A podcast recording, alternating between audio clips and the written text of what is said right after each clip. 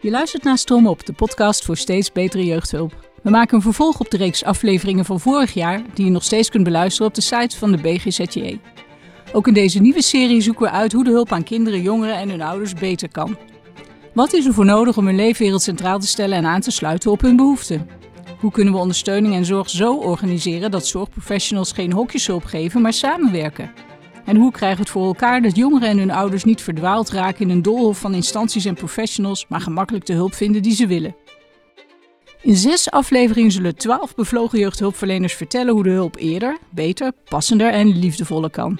Hoe we stroomopwaarts kunnen werken. Mijn naam is Milou van Hintem en in deze zesde en laatste aflevering spreek ik met Jeroen Steenmeijer, kinder- en jeugdpsychiater en geneesheer, directeur kinder en jeugd bij GGZ Centraal. En met Maartje Snelders, orthopedagoog en projectleider Veilige Start bij de William Schikke Jeugdbescherming en Jeugdreclassering. We gaan het vandaag hebben over de vraag hoe psychiaters en gedragswetenschappers beter kunnen samenwerken in crisissituaties.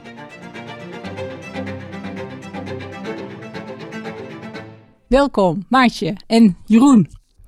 In deze podcast gaan we het hebben over samenwerken in crisissituaties. Maar voordat we dat gaan doen, willen jullie eerst even kort vertellen wat jullie werk inhoudt. Wie wil beginnen? Jeroen? Zal ik eerst? beginnen? Ja. Ehm, nou, ik ben dus kinder- en jeugdpsychiater. Dat betekent dat ik in de GGZ werk, of de jeugd GGZ. En zoals je in de intro ook zei, ik ben ook uh, genezen directeur. Dat is een functie die ehm, vanuit de wet verplicht GGZ voortkomt. En waarbij je een beetje toe moet zien op hoe de, die wet wordt uitgevoerd. Maar ook een rol hebt in de kwaliteit van zorg. En eigenlijk in het zorgen dat er voldoende alternatieven zijn voor verplichte zorg. En eh, van daaruit eh, ga- denk ik daar iets vaker over na. Mhm. En eh, ja, ik ben op dit moment vooral werkzaam in integrale jeugdhulpteams rondom Amersfoort, waar ik ook woon. Nou, je quote. Integrale jeugdhulpteams, kan je, kan je dat heel kort toelichten, dat we ons daar iets bij kunnen voorstellen wat het is? Ja, dat is iets wat de afgelopen jaren steeds meer gebeurt. In Utrecht zie je het al gebeuren, hier in Amsterdam waar we nu zijn. En dus ook in Amersfoort sinds kort. Eh, sinds vorig jaar zijn we ermee begonnen dat de, alle verschillende soorten jeugdhulpaanbieders, dus vanuit de oudere opvoedhulp bijvoorbeeld en eh, de verstandelijk gehandicaptenzorg, eh, samen met de jeugd GGZ samen in, ja, bij ons heet het dan gebiedsteams, maar elke regio noemt het dan weer Mhm. net een beetje anders, maar dichter op elkaar georganiseerd gaat samenwerken om zo goed mogelijk en zo eh, schotarm als het maar kan jeugdhulp Ontschot mogelijk. ja, on- ja, ik wist Ja. niet dat onschot mogelijk een Ja. woord was. Maar eh, met zo weinig mogelijk schotten eh, Ja. de, de hulp aan jongeren te bieden. Eh, Mhm. Wat een flinke uitdaging is. maar wat wel heel leuk is om aan te gaan. Mhm. En even als ik kijk naar het onderwerp van deze podcast, crisissituaties, daar, daar weet jij wat meer van dan de gemiddelde hulpverlener volgens mij. De Ja. gemiddelde psychiater. Ja, met name vanuit... eh, ik heb hiervoor altijd op een acute opnameafdeling gewerkt. Bij de crisisdienst gewerkt. En in IAT-teams. Dat zijn de eh, intensief eh, home treatment. Dat zijn outreachende... eh, dus mensen die naar huis gaan. Naar jongeren toe. En daar psychiatrische hulp geven.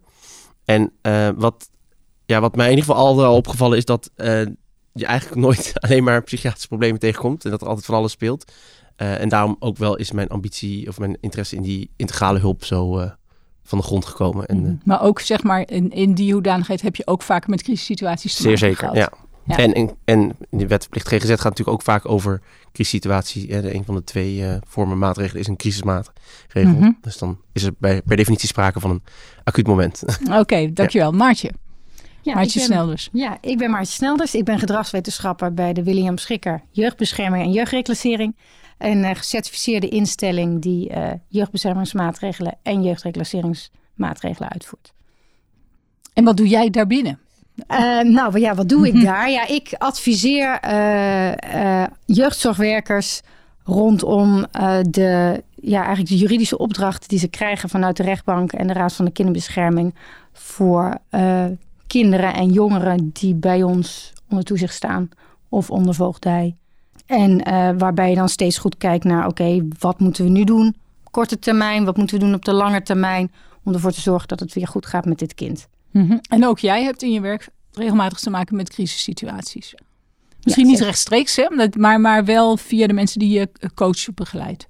Ja, de, dat zou, de, hè, als je het hebt over een spoeduithuisplaatsing of een spoedoverplaatsing of een eh, spoedverzoek richting een gesloten, gesloten jeugdzorg. dat zijn wel uh, grote crisismomenten. Mm Nou ja, want wat, dat is een vraag die ik jullie allebei wil stellen, maar jij, jij hebt het er nu al een beetje over. Hoe definieer je een crisis? Wanneer is er, wanneer noem je iets een crisis? Is er überhaupt een definitie waar iedereen het over eens is? Dit is een crisis.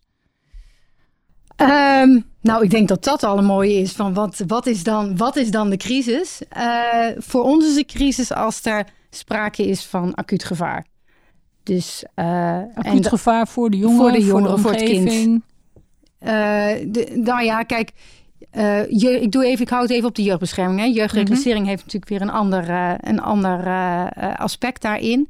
Maar in het geval van de jeugdbescherming gaat het over acuut fysiek gevaar voor het kind. Dus dat er bijvoorbeeld een kind niet meer thuis kan wonen, of dat daar of uit een groep knalt, of dat er iets is waardoor je nu acuut iets moet, omdat er anders te grote risico's zijn. Mm -hmm. Dus echt, echt heel erg acuut.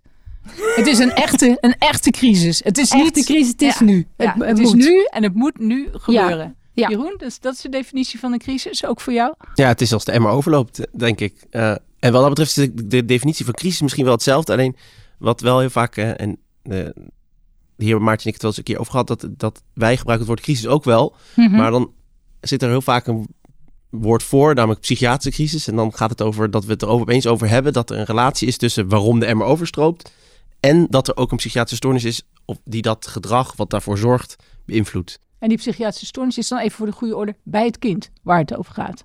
Ja, ja, ja. Ja, nou ja, goed. Nou, het kan ook wel bij de ouders zijn op zich. En dat is op zich ook wel een hele goede. En dan is er ook wel een mogelijkheid voor psychiaters om iets te doen. Mhm. Eh, binnen bijvoorbeeld de wetten die we dan hebben in ieder geval. Ehm, maar inderdaad, we hebben het hier over kinderen. Dus dan in dit geval psychiatrische bij het kind. Ja.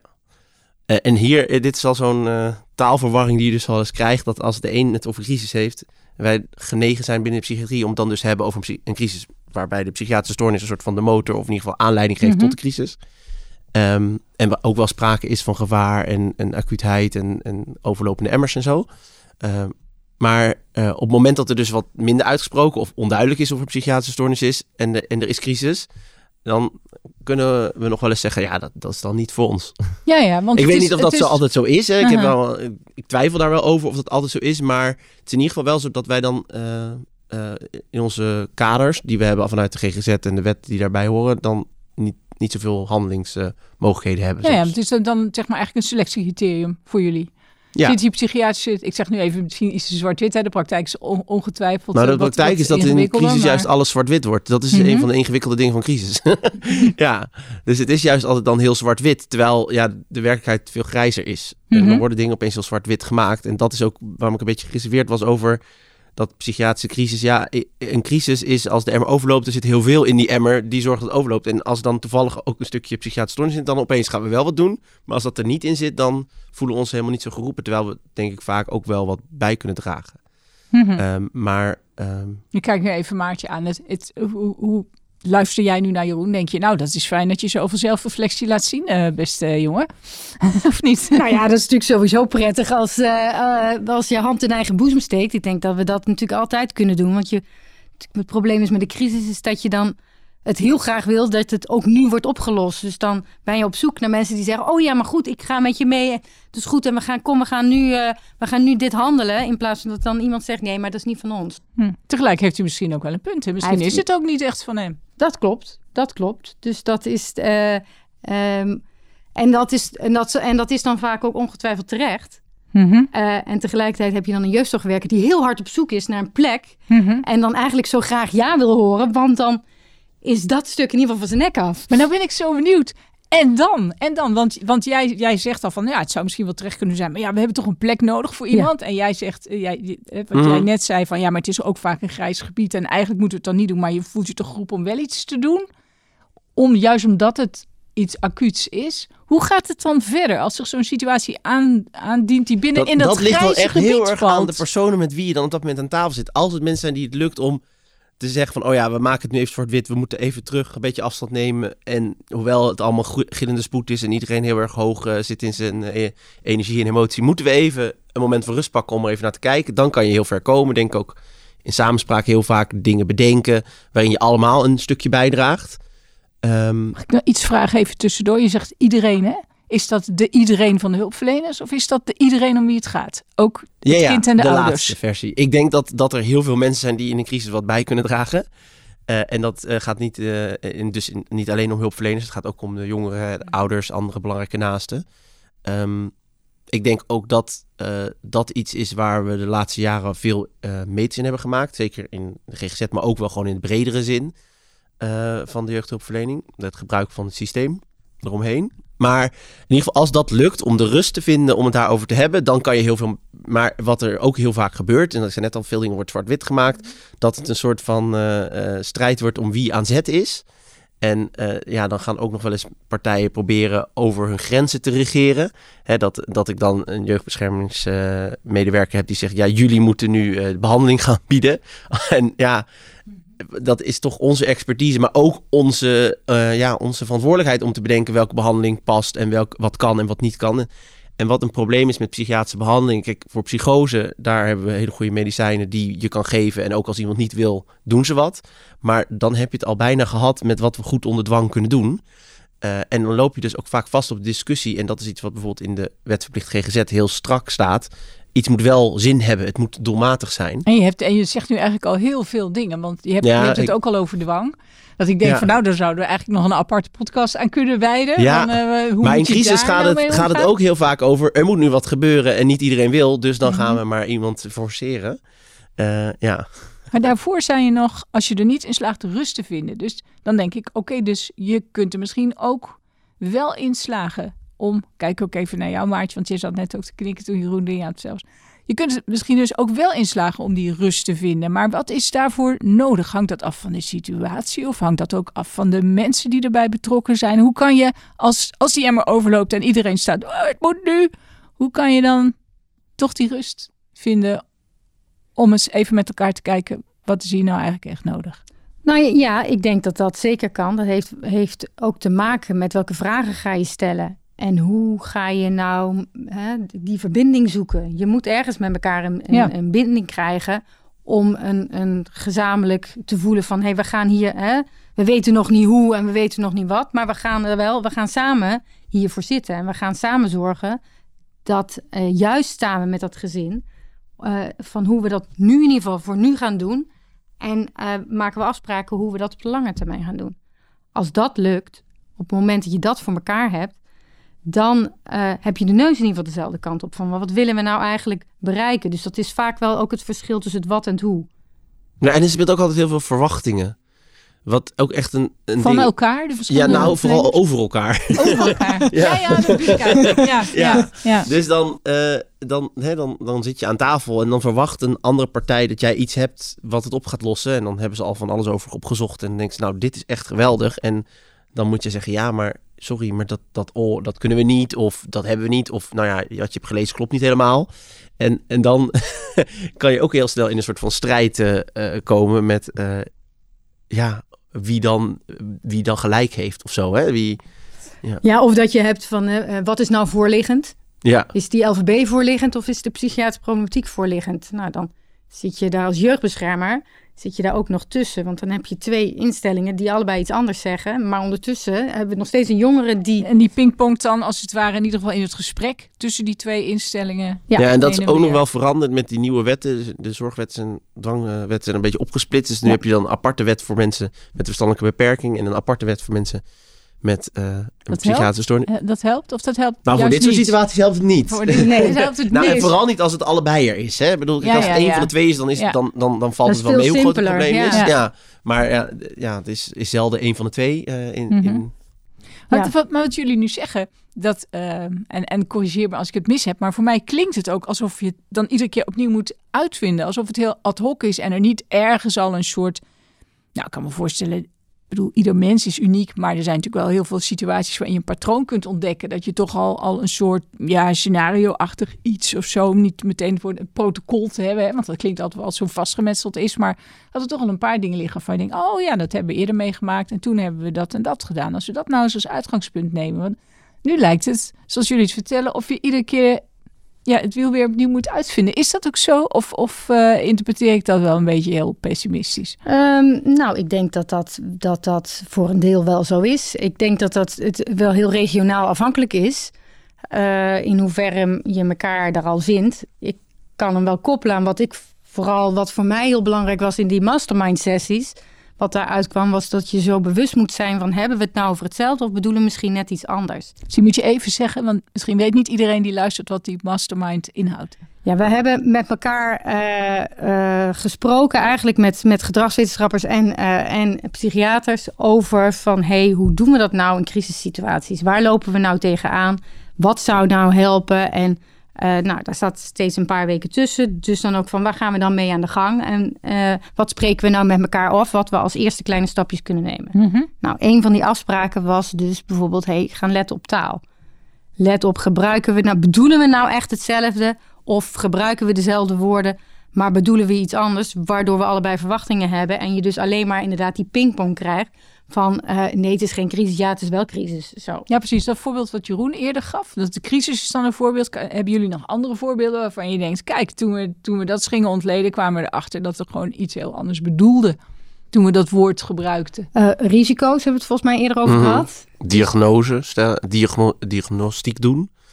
Ja. Als oh, ik ja, het woord diagnostiek doen ja. gebruik, denkt iedereen dat ik daarna een DSM-diagnose ga stellen. Terwijl oh, het ook gaat over goed begrijpen wat er aan de hand is. Los van of er nou een psychiatrische stoornis is of niet. Op de eerste plaats zou ik denken, toch? Ja, nou ja, dat is letterlijk wat het woord betekent. Maar op een of andere manier, als een dokter het zegt, dan gaat het dus gelijk over iets anders. Ja, ja. Dat heb ik ook mm -hmm. vaker al gemerkt, ja. Veiligheid misschien ook een ook. begrip? Ja, nou ja, ik denk dat we dat uh, ja, vooral als het dan gaat over uh, wanneer het een beetje richting het uh, dwangkader gaat, dan hebben wij gewoon andere termen voor veiligheid en acuut gevaar dan, dan jeugdzorg, zeg maar, ze hanteerde, hanteert. Dus ja. het hielp dan wel toen jullie het in die mastermind sessies daarover hadden, dat je dacht van, oh, daarom reageer, daarom reageren jullie. reageren nee, jullie zo. het ook, hè? De, ik krijg natuurlijk terug van jeugdzorgwerkers die dan zeggen, ja, maar ze willen niet van de GGZ willen ze niet. En dat ik dan terug kan geven van, wacht even, waar heb je het dan over? Welke woorden heb je nou gebruikt? En, en weten we dan, weet je dan nu echt wat ze bedoelen? Uh, en dat maakte wel dat je dan ook, dat, dat je dus ook wat milder dat gesprek ingaat. Omdat je denkt van, wacht even, misschien willen we allebei wel wat, maar hebben we elkaar nou nog niet echt ontmoet? Uh, of hebben we verwachtingen uh, waarvan het alleen maar is van, ja, maar ik wil graag dat jij het overneemt. Dat zo'n kind een hete aardappel wordt. Mm -hmm. Je vroeg net of, over patronen zijn. Ik, ik denk wel dat we daar over de jaren juist allebei... Nou, we waren eerst een soort van gescheiden werelden. Hè? Maar de jeugdhulp en, en de GGZ waren echt los van elkaar. We zijn er allebei op onze eigen manier heel goed in geworden, denk ik. Want we hadden allebei een heel prima werkende, functionerende crisisdienst. Um, maar die hebben dus wel allebei een andere manier, een ander patroon ontwikkeld van hoe doe je dit, welke stappen zet je wanneer, wie is wanneer in de lead en mm -hmm. waar liggen de verantwoordelijkheden. En die zijn nu eigenlijk een soort van in elkaar gedwongen, ook wel een beetje door hoe we naar problemen zijn gaan kijken, naar het aanbod wat we hebben in de zorg. Uh, de langdurige GGZ-afdelingen. Ik zeg niet dat ze terug moeten komen. Ik ben daar namelijk niet per se een voorstander van. Maar die we vroeger hadden, die hebben we niet meer. Dus daar wordt nu opeens naar de jeugdzorg soms gekeken van... nee, we hebben langdurig iets nodig. Mm -hmm. En daar ga je dus nou ja, opeens zijn we in elkaar gevlochten. En dan, dan match je die patronen ook niet altijd. En dan is het bijvoorbeeld ook um, wie uh, de regie voert, is dan heel anders. En bij, de, bij, de, bij de medische kant, zeg maar, de dokters zijn vaak dan degene die in crisis de regie gaan voeren. Terwijl uh, in jeugdhulp heb ik nog wel eens uh, dat je dan ja, met de, degene die gewoon elke dag in het gezin zit, de regie moet voeren. Ja, de ambulant werkende, die nou ja, niet, niet te nadeel, maar gewoon heel andere um, blik heeft op het probleem en het systeem en ook een mm -hmm. bepaalde mate van overstijgend denken, dan uh, er zit veel meer ingezogen soms in die casus, dus veel meer met emotie. Um, en dat, dat geeft gewoon dan ook gedoe.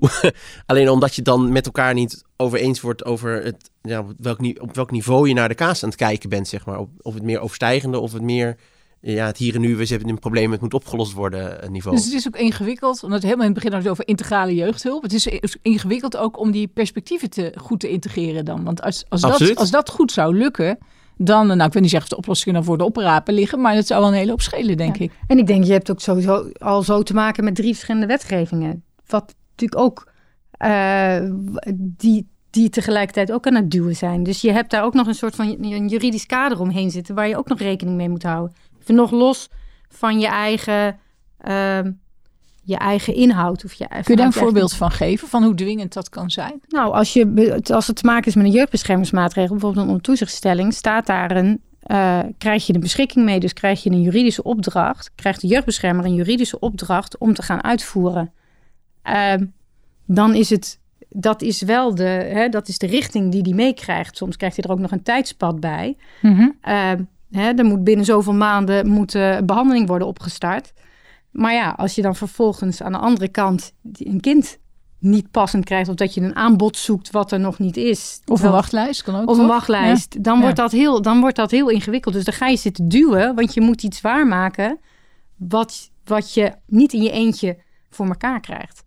En ik denk dat dat, dat, dat vaak... eh, hè, ieder zit daar met zijn eigen bril... en heeft ook daarin zijn eigen agenda. Of agenda klinkt heel na- negatief, maar wel hè, vanuit zijn eigen beroepscode... en vanuit zijn Mhm. eigen kader waar hij aan het werken is. En dat botst soms.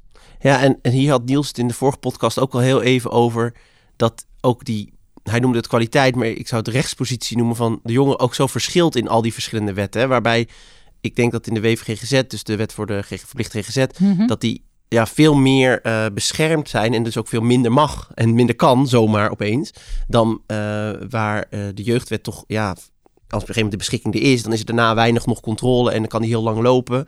En, en dan ligt er heel veel verantwoordelijk bij degene die hem uit moet voeren. En er, is nou, er zit veel, ja, En heeft de jongen zelf minder- veel minder in de Ja. precies.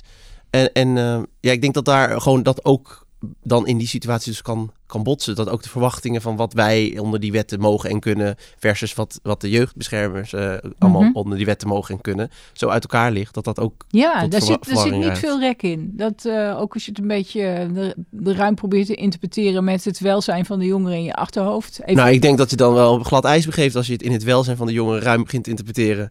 ja, dat zou ook best Ja. kunnen. Maar je moet elkaar toch ergens vinden. Want, je, wil- want Ja, nee, maar dus ik denk het welzijn van de jullie- jongeren moet je wel goed Ja, moet je jullie wel willen naar op zoek. Maar de hetzelfde vraag is of je dan Ja. of dus wettelijke kaders moet gaan gebruiken om dat Mhm. te bereiken en dat dan ruim te gaan interpreteren. Want dan ga je dus dingen doen die misschien niet mogen.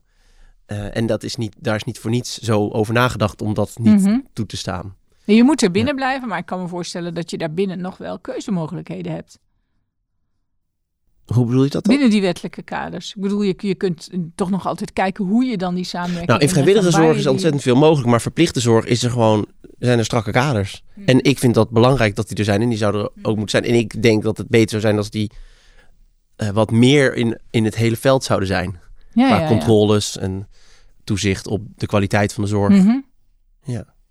Ja, zulke kaders. Ja, ik zat meer te zoeken naar wat is het beste voor het kind. En als Ja, dat, nee, maar, dat ja. is de kaders dat in de, in de weg zouden kunnen gaan Maar zitten. de wet, is- de, wet, de wet die moet eigenlijk het kind een beetje tegen dokters beschermen, zeg maar. Mhm. Eh, dat, en dat is denk ik, eh, dat, dat, dat is, Ja. ja. daar zit als wat rek in ook. Ik denk wel dat het ook soms eh, niet in het belang van de jongen is dat er zoveel over voor hem en over hem wordt besloten. Mhm. En dat er, nou ja, daar, dat zou, daar zouden we dan naar kunnen kijken in crisis van hoe kunnen we toch weer zoeken naar samenwerking en hoe ja, kunnen dat we... bedoel ik eigenlijk. Dat ja, toch wel ergens maar met de jongeren zit. en, en Ja. zit crisis in. En ik zeg niet dat jeugdzorgwerkers dat niet doen, hè, dus dat, laat me dat Mhm. voorop stellen. Nee, Maar er zitten andere kaders. waar, je Ja. natuurlijk ook, hè, waar je natuurlijk Ja. niet, ook niet buiten gaat. Want je moet uiteindelijk wel gewoon kunnen verantwoorden Ja. wat je aan het doen Ja, ja, bent. Dus ja. dat, eh, hè, dat, dat is eigenlijk gewoon hetzelfde, hetzelfde principe. Maar wel binnen een andere wetgeving. Met, de, met Hm. andere Maar dat bedoel ik eigenlijk meer, als je dat allemaal bij elkaar legt, hoeveel ruimte is er dan voor jullie, als jullie bij spreken samen aan tafel zitten, om dan toch nog, ik zeg nu even simpel, het goede te doen? Nou ja, dan moet je dus wel eigenlijk het even achterover gaan zitten. En niet meteen in oplossingen, maar met z'n allen eerst goed kijken. Oké, maar wat, willen, wat, wat ligt er nou? En wat willen we nou met z'n allen? Wat wil vooral dit kind? Wat willen deze ouders? Wat wil daar het netwerk in? Eh, en dat je dan vervolgens kan kijken, oké, en wat is daar dan voor nodig? Mhm. Maar die, die eh, en ik denk ook vaak wel met crisissen, eh, dat ik vind het wel steeds minder worden. Maar eh, ik word altijd een beetje allergisch van ze zeggen, ja, deze zagen we aankomen. Je denkt, ja, ja, dat is wel een beetje zonde. En soms, en Ja. het is, hè, Maar en, wie en, zeggen dat dan? Deze zagen we aankomen. nou, soms zorgaanbieders, soms jeugdbeschermers. en dat wil niet altijd zeggen dat het dan voorkomen had kunnen worden, maar Mhm. soms wel. Dat is dan, denk ik, ja, dan is het jammer dat we daar dan eigenlijk met z'n allen hierop hebben gewacht. Hm. Tegelijk Dat is wel een zeggen we ook, kans. ook wel, never waste a good crisis. Hè? In die zin kan een crisis ook juist een soort van oplossing bieden uit iets waar je heel lang met elkaar in vastzit. En dan, ja, eh, zeker als je het voor elkaar weet te krijgen om een soort van uh, judo-rol met elkaar te maken, waarin je de energie van de crisis weet te gebruiken om uiteindelijk de richting weer. Want dat gebeurt ook. Nou ja, ik denk dat dat de kunst is van werken in crisis. Mhm. dat je met elkaar de energie die daar vrijkomt gebruikt om het goede te doen. En dat is ook het leukst. Als je dan als je het ja. voor elkaar krijgt om met elkaar op een creatieve manier te kijken van en hoe gaan we dit nou wel met elkaar regelen. Dat geeft, dat geeft ontzettend veel energie en dat geeft een enorme kick. Nou maar daar zie je ook al wel het verschil tussen de kaders dus waar je in terecht komt. Ik bedoel, als je dan bijvoorbeeld kijkt naar bijvoorbeeld een opname bij ons zou dan een paar weken zijn. En als je dan eh, in, in binnen de jeugdwet naar een opname gaat, zit je al gauw weer bij zo een paar maanden verder voordat iemand weer. En dat, dat die systemen zijn heel anders qua op elkaar afgestemd. Mhm. En, en daar zit de verwachting over en weer dus ook heel anders. Hè? Als, als iemand dus voor in een crisis wordt gezegd, nou dan gaan we je opnemen. Dan denken mensen, oh nou, een paar maanden opgelost. En dan zeggen wij na twaalf dagen, nou jongens, het is eigenlijk best wel lang aan het duren. Moeten we niet weer iets anders gaan doen? Want gemiddelde opname in de GGZ is maar twee weken. En, en terwijl als een gesloten, of zeker een gesloten jeugdverklaring, dan gaan we het eerder over maanden. Mhm. En daar zat ook een kracht in altijd. Maar het is ook, ook een, uh, ja, een, een risico om de beweging terug weer te maken. Ja. Inclusief wachtlijsten, want dat is natuurlijk ook een dingetje. Ja, die heb je natuurlijk ook nog. Ja, dat is wel... Uh... Maar hoe zou je nou kunnen... Want eh, jij zegt, nou, het kan ook voordelen hebben. En je kunt voor de creatieve energie kan vrijkomen. En, en toch zit ik een beetje naar te zoeken van... Het, het blijft toch of het... Nou ja, of je steeds ter plekke het wiel uit moet vinden. Hoe kan je er nou voor zorgen dat... Want iedere keer leer je ook weer als je het wel goed oplost samen. Of als je er wel samen uitkomt. Is, wordt dat op de een of andere manier ook ergens nou ja, opgeschreven zou ik bijna willen zeggen. Dat je op een gegeven nou, moment mensen kunnen leren van de dingen die, die jullie allemaal meemaken. Waar je tegenaan loopt en hoe je ze hebt opgelost. Want als dat iedere keer opnieuw moet worden uitgevonden, dat, is, dat is misschien ook een beetje jammer. Maar misschien is dat ook helemaal niet zo. Dat Nee, ik denk ook niet dat we niet elke keer het wiel opnieuw uitvinden. Maar waar we mhm. wel nog een wiel uit te vinden hebben, is dat hoe je die, die dingen die er zijn in elkaar vlecht rondom die overlappende kazen. Want hè, bedoel, in, wij hebben dus, wat ik net al noemde, IAT bijvoorbeeld, crisisdiensten vanuit GGZ, dat werkt allemaal best goed. Die hebben eigenlijk, in zekere zin is dat ook gewoon een soort, nou ja, oneerbiedig gezegd, een trucje. Je weet op een gegeven moment, dit werkt, dit werkt niet. Um, dit mhm. pakken we zo aan. We hebben vaste stappen die we altijd zetten. Het is vrij geprotocoleerd. Er is zelfs een hele generieke module acute psychiatrie. Dus wat dat betreft is er best wel veel uitgewerkt. Maar het probleem komt er als je dan in de, de jeugd- en opvoedhulp komt. Daar hebben ze bijvoorbeeld ambulante spoedhulp. Werkt ook eigenlijk best wel goed. Uh, hebben we ook wel goede ervaring mee in het land. We hebben heel veel plekken uitgerold. Hebt nog een paar van dat soort modules waarvan ik niet, even niet alle namen weet. En maar die vlechten minder goed in elkaar op het mhm. moment dat het allebei nodig is. Hè, dan eh, bijvoorbeeld dan ambulante spoedhulp is dan uh, in de ene regio vier, in de andere regio acht weken. En dan IAT is soms zes, soms twaalf. Uh, soms zo'n regio's die drie maanden doen. Ja, dat, die, die termijnen lopen al anders. Dus als je die moet gaan laten samenwerken, dan houdt één op terwijl de ander nog bezig is. dat zijn allemaal...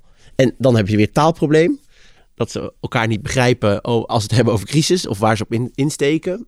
Ja, goed, daar heb, dat jij vertelde, daar heb je het onder andere bij die masterminds over gehad. Zijn dit dan ook niet, Jeroen, al die dingen die jij nu opnoemt, ook niet een soort mastermind-achtige onderwerpen waar je het dan over kunt hebben? Zeker. En uh, tenminste, in de zin, het is goed om het over te hebben. Maar ik, vraag, ik weet nog niet hoe we tot een soort gezamenlijk, maar misschien op termijn, dat als dit gemeengoed wordt om integraal te, de crisiszorg vorm te geven. Want mhm. dat is nu ook niet zo. Hè?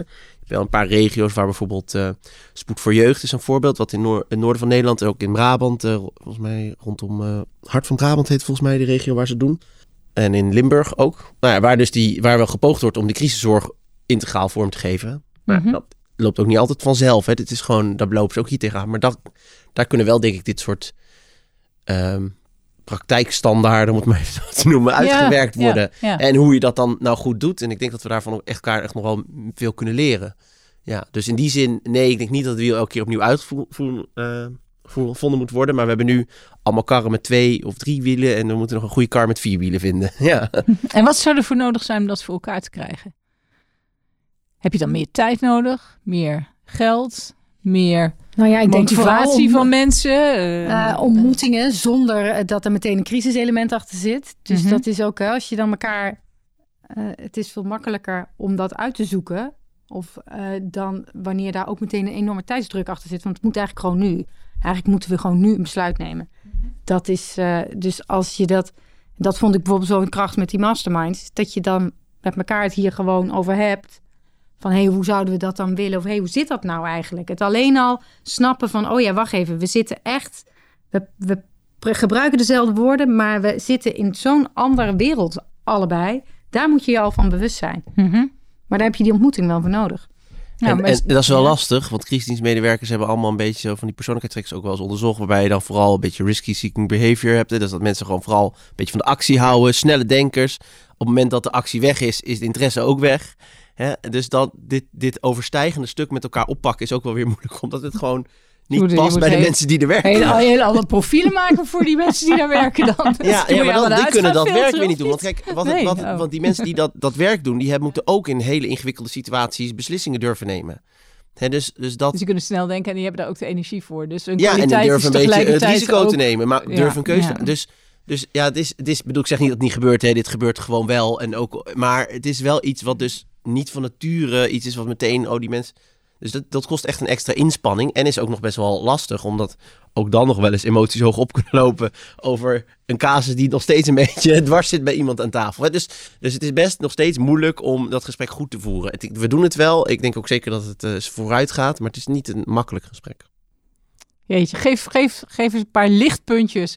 Want als ik nu nadenk over wat je allemaal hebt verteld, is het is regionaal, is het verschillend. Het, is, het, het lijkt een beetje versnipperd. Het is, er wordt in verschillende tempi gewerkt, tempo's gewerkt. Eh, Nou. De afstemming is lastig. Er zitten mensen aan het roer die eh, het hartstikke goed doen. Maar eh, als ze even zeg maar in rust moeten komen, dan, nou ja, is misschien wel nodig. We zitten maar niet echt gemotiveerd. Heel veel beren op de weg zie ik. Maar tegelijk boeken jullie ook wel wat vooruitgang, denk ik. Dat heb je ook aangegeven. Wat zijn nou dingen die echt vooruit zijn gegaan als je terugkijkt? Waar- waar- waarvan zeggen jullie nou van, eh, ja, maar dit doen we dus nu al beter en dat zouden we ook graag willen uitbouwen? Nou, dat ik in ieder geval die welwillendheid is. En ik merk dat er echt wel, het is ook wel natuurlijk een houdingsdingetje. Dat je, eh, dat je elkaar wil begrijpen. En dat zie ik wel steeds meer. Dat die, dat die brug ontstaat. En dat is wel, eh, en dan, komt, dan roep graag, eh, houding komt voor inhoud. Dan, eh, dat is waar het mee begint. Ja. ja, en we hebben vandaag een nieuw regeerakkoord. Daar staat in dat ze gespecialiseerde jeugdhulp centraal willen gaan organiseren. Ik, er staat veel in waarvan ik denk, nou, moeten we het nog eens over hebben. Maar dit is nou zo'n ding waarvan ik denk, dat is wel... eh, crisis is volgens mij echt een gespecialiseerde tak van sport. Ja. Eh, De eigenschappen van de mensen die er werken zijn nodig. Maar ook eh, ja, het overzien van wat allemaal kan en niet kan. En ik denk als we dat meer centraal gaan organiseren... dat het ook lukt om dit gesprek beter overstijgender, minder regionaal met elkaar te voeren. Dus ik zie ook echt wel allemaal vooruitgang. En het gesprek wordt al gevoerd, dat is al vooruitgang. Hè? Dat was, eh, nou ja, toen ik net begon met mijn opleiding, was nog voor de transitie. Ehm, Mhm. en, en toen was dit echt niet zo vanzelfsprekend dat dat gesprek zo werd gevoerd met elkaar. En dat is al een hele winst die we hebben gemaakt in de afgelopen jaren. Ehm, en het bestaan van al die integrale teams, daar leren we ontzettend veel van. Dus elke dag gaan we nog steeds een stapje vooruit. Maartje, kun je daarbij aansluiten? Heb je nog iets toe te voegen? Nee, ja, ik sluit me hier helemaal bij aan. Want dit is, dit is wat, wat, het, wat het mooi maakt en wat het boeiend maakt. En dat ik denk van ja, dat is het. eh, eh, dat is wat het eh, uiteindelijk te goede komt voor degene die, waar, waar we het graag goed voor willen hebben. Dus nee, daar heb ik eigenlijk niet zoveel meer aan toe te voegen. De jongeren, precies. Of het kind. Ja, het kind, ja, het mag altijd een gezin. kind zijn. Dat is even Gezin, de. ja. Ja. Oké, dankjewel. We gaan bijna 2022 en wie weet kan ik jullie over een jaar terugvragen. En vragen hoe het dan het afgelopen jaar is gegaan. Heel erg eh, fijn dat jullie hier eh, waren. Dankjewel, Jeroen en Maartje. Dit was de zesde en laatste aflevering van het tweede seizoen van Stroom Op, een podcastserie waarin we onderzoeken hoe de jeugdhulp steeds beter kan. Aan deze aflevering werkten mee Maartje Snelders, Jeroen Steenmeijer, Jochem Tames en Melou van Hintem. Stroom Op, de podcast voor steeds betere jeugdhulp, wordt gemaakt door Stroom Op samen met BGZJ, branches gespecialiseerde zorg voor jeugd.